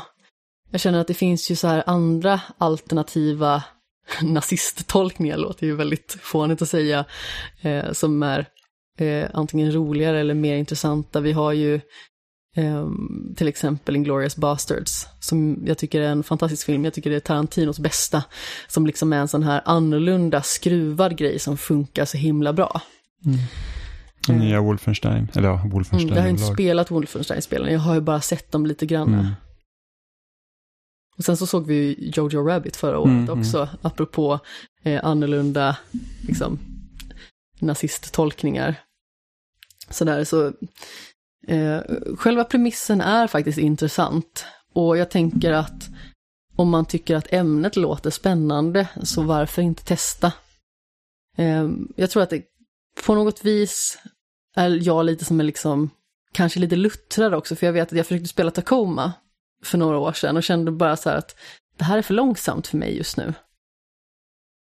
Och på något vis så kanske det är också en bidragande faktor att det kanske hade behövts någonting mer för att kunna berätta den här historien. Och just en vandringssimulator kanske inte är det rätta. Sen behöver det liksom inte vara massa strider och sådana grejer, men kanske någonting lite till som gör att man kan vrida upp intresset i det hela. Jag tror, alltså vad jag såg när du spelade så kände jag liksom att karaktären går för långsamt. Det gör han för, också. För jag fick typ så här vibba från Det finns ingen tolvåring som är så långsam. Jag fick liksom vibba från så här Everybody's Gone to Rapture, vilket så här att jag vet att många gillar det spelet och jag känner bara att man går för långsamt. Alltså jag, jag kan liksom inte... Jag är glad att du inte gillar det, det kan det inte, inte jag heller. Det kan inte ta så här lång tid att gå mellan de här husen för att det liksom, man går så jävla segt och jag förstår ju kanske att man tempot man går i är såklart en viktig del i hur, liksom, hur man upplever världen då. Hur, liksom, vilket tempo... atmosfären, Alltså, för vilket- den är ju ganska så viktig i det här spelet. Ja, alltså vilket tempo man sätter så att inte spelaren liksom hastas igenom alldeles för fort. Men liksom, blir det så att det blir tristess av att gå när det är liksom huvudsakligen det man gör, då, då är det ett problem. Ja, men jag kan känna ibland liksom att det går så pass långsamt så när jag väl hittar en lapp som jag vill läsa till exempel från en eh, flicka till sin mormor eller vad det nu kan vara. Fick lite så här Anastasia-vibbar av det för övrigt, fast i nazist-Tyskland. Eller ja, det är inte Tyskland, men skitsamma. Ehm, då i alla fall känner man att man vill nästan hasta förbi det för att man vill liksom bara kunna ta sig vidare. Och så ska det ju inte vara. När man hittar en sån sak så ska man ju vilja verkligen djupdyka i den och bara kolla vad det är som har hänt. Eh, Och jag känner att The Last of Us Part 2 till exempel gjorde ju det väldigt bra. Att varje gång man hittade någonting så var det tillräckligt kort för att man liksom skulle vilja läsa det och ta till sig vad det var. Mm. Det kunde liksom vara en, en liten eh, kort lapp till eh, nära och kära eller någonting sånt. Mm. Bara. Så ibland så känns det som att det går för långsamt och när man väl hittar en lapp till exempel så kanske det är för lång text eller någonting sånt så att man känner att man bara måste ruscha vidare. Mm. Jag har också spelat lite spel, så jag tog äntligen tag i Undertale. Som jag, vet, jag lovade Anders att jag skulle spela det här när han la det som sitt årets spel, jag tror det var 2015. Och jag bara, ja, men jag ska spela det på jullovet. Eh, jag tror jag började och så spelade kanske tio minuter och sen så slutade det för att jag minns inte varför. Eh, och sen har jag liksom haft Oliver, vet jag gillar Undertale och det, vi, vi satte det som eh, decenniets spel på loading i, i, i den eh, loading specialen vi gjorde. Det var tre stycken som hade det på sin första plats faktiskt. Mm. Så att, eh, så att eh, det var så här, ja men nu, nu kom det på Xbox Game Pass, då, då, då kan jag liksom, nu ska jag dra igenom det. Och, och det, svårt blir det ju liksom när spe, folk har hyllat det så mycket. Och, och jag ser ju liksom de bra delarna i det, men jag får liksom inte den här känslan som jag kanske har fått när jag spelat andra spel som typ Night in the Woods eller Outer Wilds, när man liksom sitter där och bara så, oh my god, det här är så bra. Eh, just för att det är så att det här är en upplevelse som inte jag visste skulle vara så här bra, för att det har liksom inte blivit allmänt känt om man säger så. Eh, men, men det som Undertale gör riktigt bra det är det att det leker lite med vanliga spelkonventioner. Så att det är ju liksom som ett RPG. Men, och där du kan välja att antingen döda de du möter, prata med dem och sen liksom försöka då att inte mörda dem helt enkelt så att de kommer vidare. Och till en början är det, då är det ju väldigt lätt att halka in i det här typiska så att jag ska mörda allt. Eh, för det blir så att, ja men den här personen skadade mig så jag ska jag slår tillbaks. Eh, och det värsta är liksom att man börjar i spelet och då är det liksom en sån här, typ en koliknande figur. Eller ja, Undertale överlag baseras liksom på att man hamnar i något som heter The Underground. Eh, där alla monster bor. För att förut så levde människor och monster sida vid sida och sen så blev det något inbördeskrig och människor är mycket starkare än monster så att de liksom puttrar bort dem. Eh, så att det är liksom... Är det Thoriel eller någonting sånt heter, va? Jag minns inte. Eh, och, och eh, folk som då har hamnat i underground försöker fly därifrån har aldrig kommit ut levande. Så det, det är liksom målet. Och då möter man den här då koliknande figuren. För liksom typ, hon bara, åh mitt barn, typ, jag ska ta hand om dig och du, du liksom måste vara försiktig. Så hon hjälper en hela tiden. Men sen liksom, eftersom det är ett spel och man liksom försöker komma vidare då, så försöker man ju komma bort från det huset. Att, ja, men jag vill inte vara här, jag vill ju hem. Eh, och hon bara så här, ja men då måste du typ slå mig. För att, Toriel precis. Eh, då måste du slå mig, annars kommer du inte klara dig. Och då, då liksom, som vanlig RPG-strid, men det är bara det att ju längre den här striden pågår, ju mindre skada tar Toriel på dig för att hon vill inte mörda dig. Och sen så hade jag ihjäl henne så jag fick jättedåligt samvete. Man tänkte, ah, ja men det är spelet liksom, så jag går vidare. Eh, man kan liksom, jag tror inte man behöver döda henne. Eh, och så går jag liksom vidare så här för att spelet har ju en viss liksom så här även när det är sockersött så finns det ändå en, så här en underlig ton av att det här är inte riktigt som det ska. Så att jag litar ju liksom inte på någon. Eh, sen kommer man liksom, innan man kommer till första staden så möter man typ en massa hundar och jag hade ju ihjäl varenda en för att de hade ju ner mig. Och så kommer man till första staden som heter, jag tror det var Waterfall eller något sånt. Nej, Snowden heter det. Någonting sånt. Eh, och och då alla, alla pratar om de här hundarna som att de vore typ det bästa som finns. De bara, de är så snälla och de hjälper till med det här och här och då går man runt här. Alltså jag tänker på den här typ giffen på Jennifer Lawrence när hon typ bara såhär, oops, för då har jag ju mördat varenda en. Och då liksom vände... Dåligt av dig Jimmy. Ja, fruktansvärt dåligt. Så då vände det liksom, jag bara såhär, okej okay, men jag kanske inte ska försöka mörda alla eh, som jag träffar på. Jag kanske ska försöka liksom undkomma det Så lite. vilken bra idé. Så att, eh, så, så att på det sättet så leker ju spelet med, med liksom vanliga spelkonventioner. Liksom konventioner. så man liksom, det här förväntar man sig att ett spel ska vara. Sen så bara, äh, nej men nu har du inte riktigt tänkt. Eh, så det är väldigt kul och sen så måste jag säga att alla karaktärer i spelet är ju otroligt charmiga. Alltså, du, möter, du har ju då skelettet Sans och hans bror Papyrus som, som så här Papyrus som bara vill ha en vän liksom. Eh, så jag, jag, jag bara, nej men vi är kompisar så jag fick till och med gå på dejt med Papyrus. Liksom. Det var alltså, liksom massa sådana konstigheter som händer i spelet. Så det, det, är liksom verkligen, man lever sig verkligen in i världen på ett sätt som, som är ganska sällsynt i många spel. Eh, så det tycker jag väldigt mycket om. Men är Papyrus också ett skelett? Ja, han är också ett skelett ja. Lider han av osteoporos? Jag vet inte. Jag tänker så här pappersskör liksom. Jag vet faktiskt inte, han är mycket smalare än Sans. Liksom. Så ah, okay, han, han är inte riktigt benrangel. Eh, och, sen, liksom. och skelettet Sans är skitkul för att alla hans dialoger är i Comic Sans. Så att, eh, Usch. Jo men det är liksom en så att, att det, spelet är väldigt självmedvetet på det sättet. Eh, och jag vet att många säger så att om man ska spela det två gånger och då ska man liksom köra en liksom normal runda och sen ska man köra en runda där man inte dödar någon. En pacifistrunda. Eh, precis, så, att, så att det kanske jag ska göra någon gång. Eh, jag tror att den enda karaktären som jag faktiskt verkligen ville mörda det, det, det är typ en så här ödleliknande varelse som heter Alphys. Så att när man träffar den här personen, eller monstret då, avbryter en konstant. Jag tror du ville mörda Blomman. Ja men Blomman, Blomman är typ den enda riktiga onda varelsen i spelet som okay, bara... Jag har spelat på tok för lite Undertale, jag har spelat mm. typ en timme kanske. Ja men blomman är ju så att man träffar den på en gång och det ser ut som en vanlig blomma som är väldigt söt och sen så blir förvrids ansiktet och den ser, alltså den ser verkligen vedervärdig Den ser ut som Pennywise. Ja, men, ja precis, så, så det är rätt så kul. Eh, men den här Alphys i alla fall avbryter den konstant och då var det så här bara att alltså får jag, får, jag, får jag tag i dig så ska jag vrida nacken av dig för att jag orkar liksom inte gå typ tre meter och sen så stannar du mig. Avbryter du mig så dödar jag dig. Eh, ja, eh, men så, så det så att jag gillade Undertale faktiskt väldigt mycket. Eh, dock så kan jag liksom inte höja det till skyarna som många andra gjort på det sättet för att jag känner liksom att jag borde ha spelat det för länge sedan och inte hört hur bra det är för att då sätter man helt andra förväntningar. Det finns eh. ju en hel del sådana spel liksom. Det är mycket bättre att ta dem när det väl beger sig. Ja såklart, jag, jag tycker synd om alla som säger typ att så här, när de kanske går tillbaka och lyssnar på podcast och hör mig så här, bara, oh, Outer Wilds är det bästa som finns och sen de bara, oh my god, det kommer det bästa som finns och sen när de spelar så bara, det här var inte lika bra som Jim har sagt det och då bara, nej, nu blir det fel. Eller typ Hollow Knight är också ett sånt spel där det är så att början i Hollow Knight är så pass svår att komma in i för att det är liksom du har begränsade möjligheter att röra dig. Kartan är liksom inte direkt snäll mot dig. Men när man kommer förbi det så är det ett helt fantastiskt spel. Men jag förstår ju verkligen att, att folk liksom slutar spela. För att det är så att nej, det här, är liksom, jag känner inte det helt enkelt. Um... Jag spelade ju vid helt fel tidpunkt. Alltså började spela det. Mm. Jag, spelade, började spela det sista semesterdagen eh, 2019 på kvällen. Mm. Jag spelade typ en timme och sen så var det något annat som kom i vägen. Ja, för att när jag, när jag började spela Hollow Knight när jag köpte Switch, jag också, jag bara, ja, det här vet jag inte om jag tycker om riktigt liksom när man började, men sen så, det lossnar ju, sen tycker jag att Hollow Knight är typ ett av de bästa som finns också. Du sitter också med en Hollow Knight-tröja på dig. Ja, det, det gör jag faktiskt. Ah! ja, det, det gör jag. Det stämmer mycket väl att jag har en Hollow Knight-t-shirt på mig. Eh, men jag har inte bara spelat Undertale, jag har också spelat ett spel som heter Genesis Noir som också kom ut på Game Pass eh, i veckan.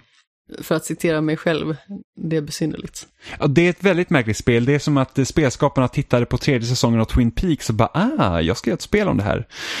Eh, så att du spelar ju... Specifikt det här svartvita avsnittet som är jättemärkligt. Ja, men precis. Det, det liksom känns lite som det. Så att spelet, alltså jag fick lov att läsa en synopsis av spelet för att förstå vad det faktiskt handlar om. För jag trodde typ att man var en detektiv och skulle undersöka ett mord på en känd jazzsångerska.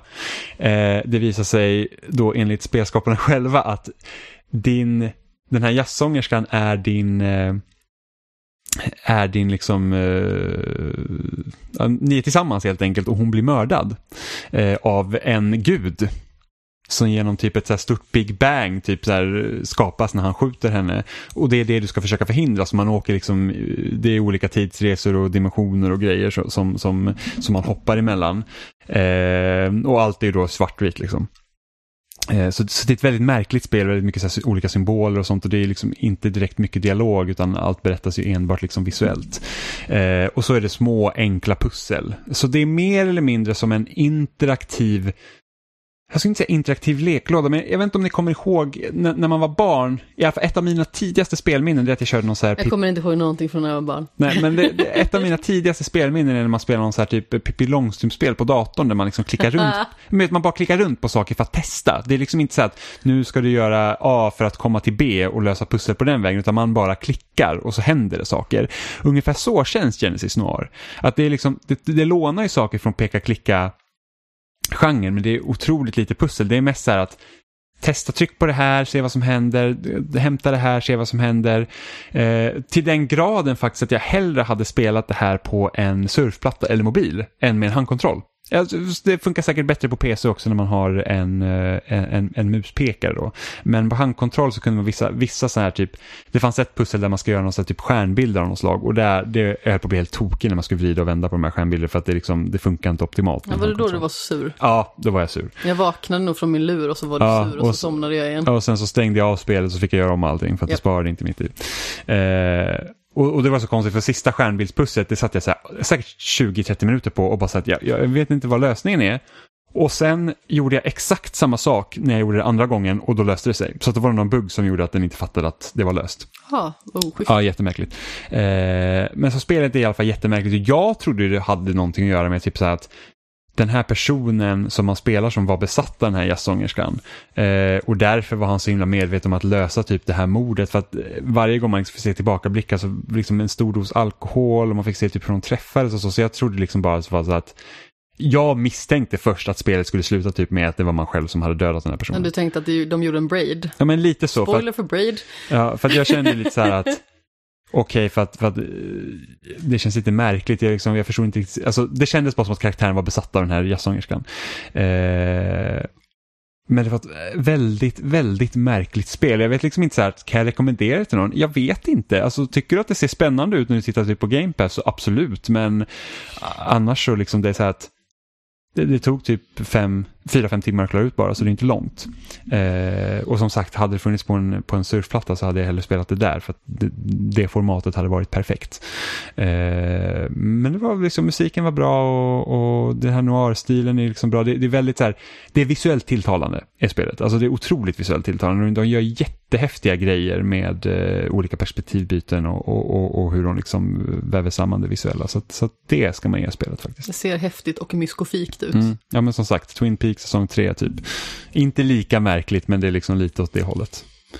Eh, så så att det är, eh, det var Genesis Noir helt enkelt. Men vi har också spelat, eller börjat i alla fall på It Takes Two som Ja! är Hazelights nya spel som tidigare har utvecklat eh, Brothers, A Tale of Two Sons och A Way Out. Ja. Eh, och precis som A Way... Utvecklade Hazelight Brothers. Ja, det är i alla fall Josef Fares studio. Jo, Men det kanske inte hette Hazelight då?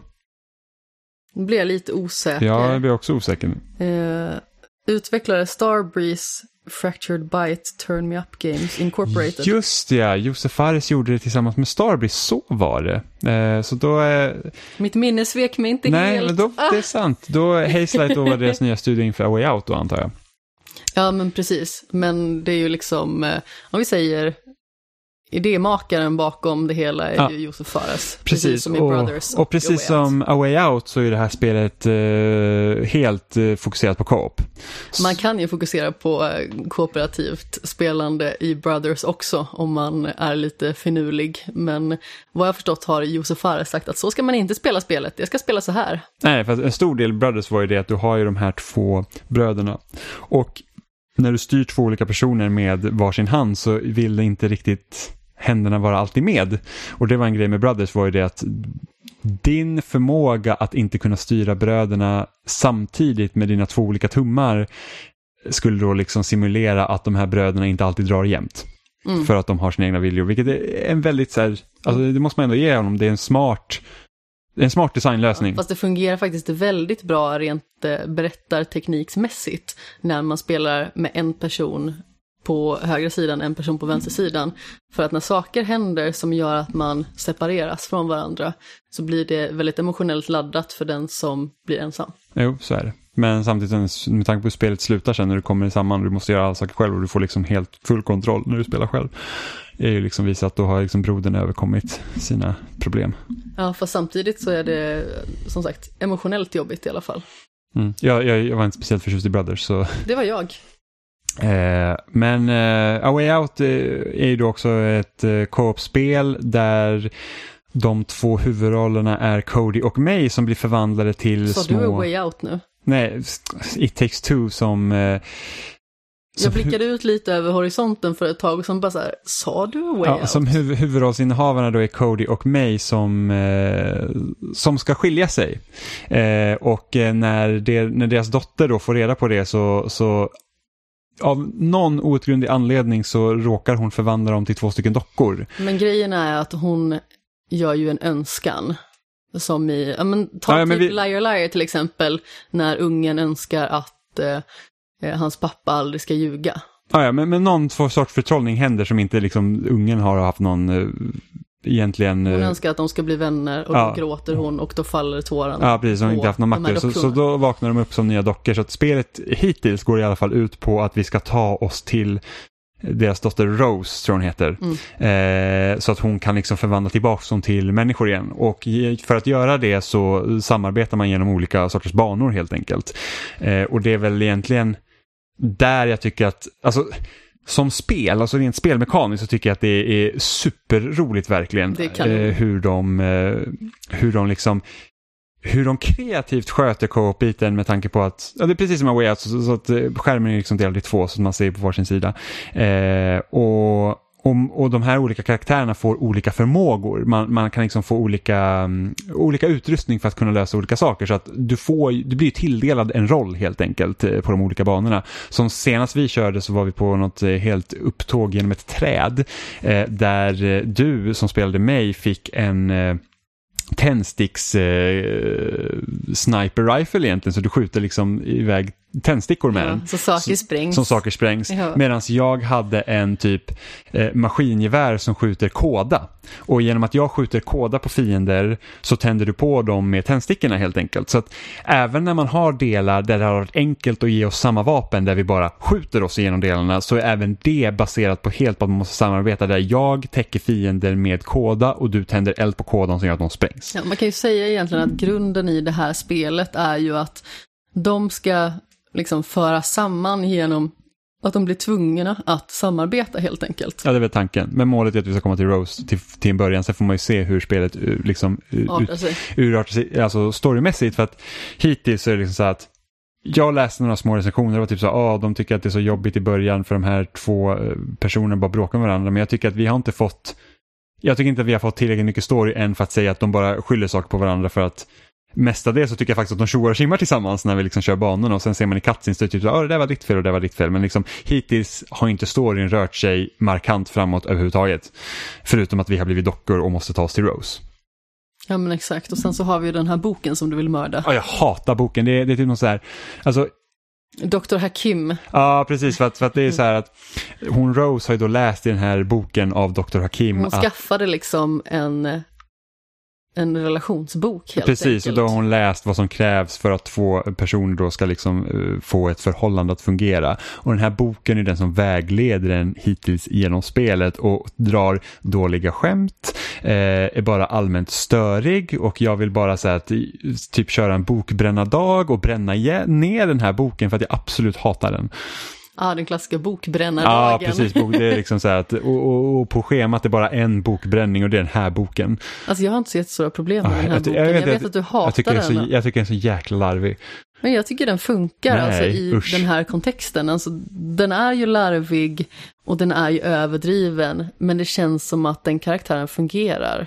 Äh, Jag känner att det är, så, det är liksom så här, det är väl ganska stereotypiskt för den här typen av berättelse att ha någonting sånt här. Eh, och jag tror att det är det som stör mig allra mest. Eh, för att det finns ju andra karaktärer som också är, som att när vi springer genom trädet så är vi så här, det är ett inbördeskrig i trädet mellan ekorrarna och getingarna. Jätte, jätteroligt. Jag måste bara säga, ja. det är så många grejer som är så otroligt roligt. Ja, men det, det, och det tycker jag är kul. Och det är löjligt, men det är ett löjligt på ett bra sätt. Boken är löjlig på ett dåligt sätt. Men alltså de kör ju, precis som en way out fast på ett helt annat sätt, så finns det ju någon form av referenshumor som genomsyrar spelet. Så oavsett liksom om man är i skjulet där man Eh, stöter på en massa verktyg som man antingen måste samarbeta med eller slåss mot. Alltså du får ju till exempel spikar som du kan skjuta iväg som en pilbåge och jag har en hammare som jag kan slå sönder saker med. Eller som typ i, i trädet då när vi stöter på de här ekorrarna och då är det liksom en militär ekorre som kommer in och är verkligen den här typiska, jag vet inte, vad ska man säga, typiska överbefälhavaren helt enkelt. Som är eh, väldigt snubbig och hård. Mm. Och det är så otroligt roligt för att det är väldigt klockrent. Precis som en way out liksom i sin referenshumor. Alltså jag tycker referenserna funkar bättre i det här spelet än vad gjorde i A Way Out. Så att A Way Out var liksom satt som ett seriöst spel. Eh, och där tyckte jag att när det liksom referenserna ibland gick överstyr, speciellt mot slutet, så kände jag bara så att okej okay, men alltså det här, jag tycker det går emot spelets ton. Här tycker jag det funkar. Tyckte inte jag. Ja men det tyckte jag. Alltså typ när, när ena karaktären ställer sig som typ det vore Scarface, då blir jag så att alltså nej. Det, det är liksom, nej usch, det tyckte jag inte om. Men här tycker jag det funkar mycket bättre för att hela spelet är mycket lekfullare på det sättet. Uh, för det är liksom töntigt och det är larvigt, liksom de här dockorna och det är liksom som att man, uh, man liksom jag vet att du nämnde typ Toy Story när jag sa att jag vet inte om jag tycker om att typ så här eh, objekt pratar och sånt. Jag, jag förstår ekorrarna för att det är liksom levande ting men liksom när typ eh, en, en en jäkla typ skolåda kommer att hoppa fram. Eller typ... Eh, fick, dammsugare. Dammsugare eller ficklampan. Nej, inte ficklampan. Eh, vad heter det? vad heter det? Kikarglasögon. Vad heter det? Kikare. Kikare. Kikaren pratar med en. Så säger jag så här att, ja, alltså jag vet inte. Men, men typ ekorrarna tycker jag är skitkul. Jag tycker att det funkar kanon med världen, liksom att saker har sitt liv. Sen kan det ju bli lite knivigt när saker inte har sitt liv och när saker har det. Men jag tycker att det fungerar jättebra.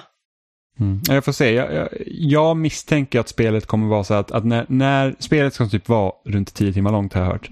Eh, och jag misstänker ju att själva berättelsen är som en, det är så att man har tagit en, en typ en och en halv timmes lång så här, komedi av den här typen och sträckt ut den på 11 timmar. Det är det jag är rädd för när det kommer till storyn. Men spelet är så pass roligt att spela så att förhoppningsvis gör det ingenting. Spelet är fantastiskt roligt att spela. Det är väldigt roligt. Eh, och just och det tyckte jag med Way Out också. Som, som sagt, det enda jag hade, alltså rent spelmekaniskt, att klaga på i A Way Out, det var just skjutandet i slutet. Eh, för att det funkar liksom inte lika bra som naturligtvis en faktisk skjutare gör och det blir lite för mycket av den varan. Men jag vet inte riktigt om det är att jag är väldigt lättköpt eller någonting, för jag älskar ju Way Out, tycker att det är ett otroligt bra spel. Eh, och jag tycker om referenshumorn.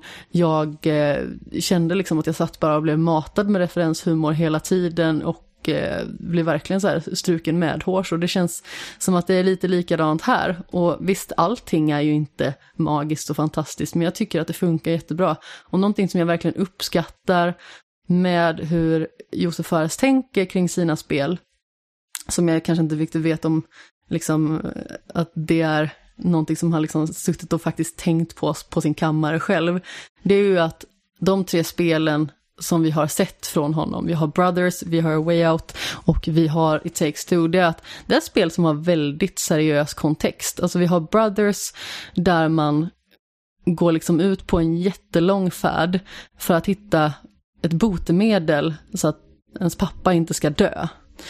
Eh, I A Way Out ska man bryta sig ut från ett fängelse och eh, i det här spelet så ska man laga en relation och det är spel som har liksom en väldigt seriös grund, men som är väldigt lekfulla rent spelmekaniskt. Och jag tycker att den balansen är otroligt bra i de spelen. Jag hoppas vi får en liksom emotionell liksom upptrappning i det här spelet också. Nu, nu vi inte spelat så mycket, vi kanske spelat två, två och en halv timme eller någonting sånt. Eh, och, och vi har inte sett det än, men jag kan tänka mig att det kommer och jag hoppas att, liksom att det är tillfredsställande. Ja, absolut. Det hoppas jag också.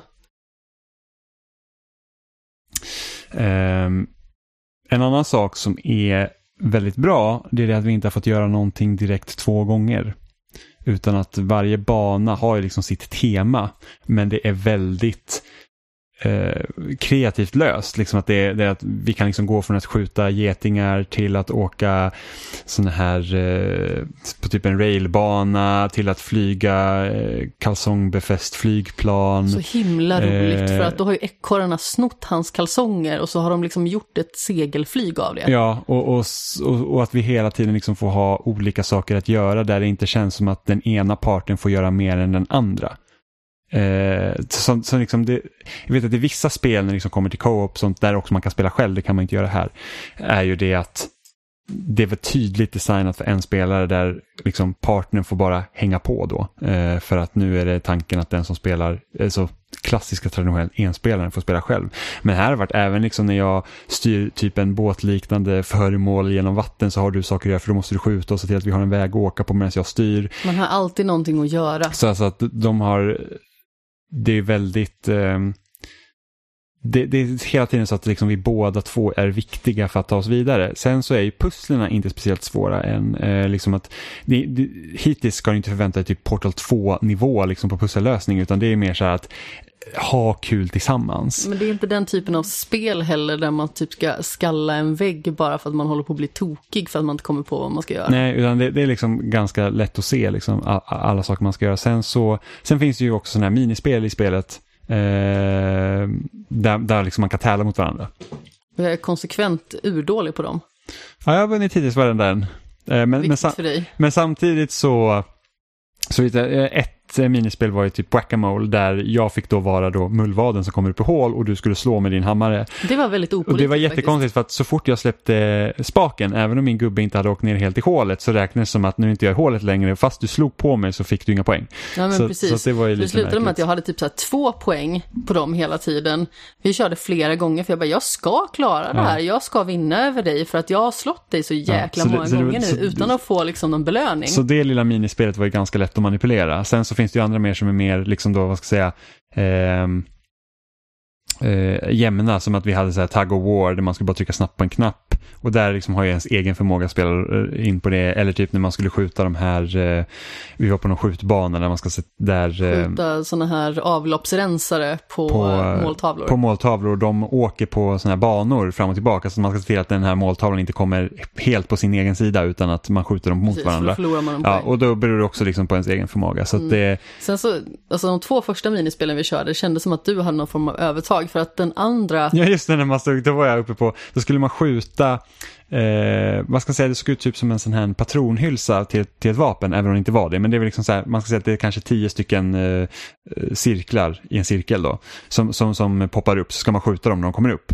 Och, och då fick du springa nere på marken. Med min hammare och dasha Precis, mellan dem. Medan jag cirkulerar runt ovansidan och ska skjuta mina spikar på dem. Och det var att jag hade ju ett helt överblick på eh, ja, den. Så du riktade in dig alltid på dem jag ja, men Om jag såg att du var på väg mot något så, så var det så, men då skjuter jag den först för sen kommer jag liksom snabbt till någon annan. Så att, så att lite, lite men sen man vet inte, det kanske är meningen också.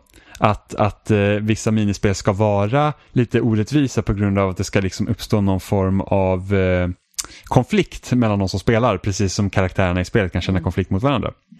Kanske.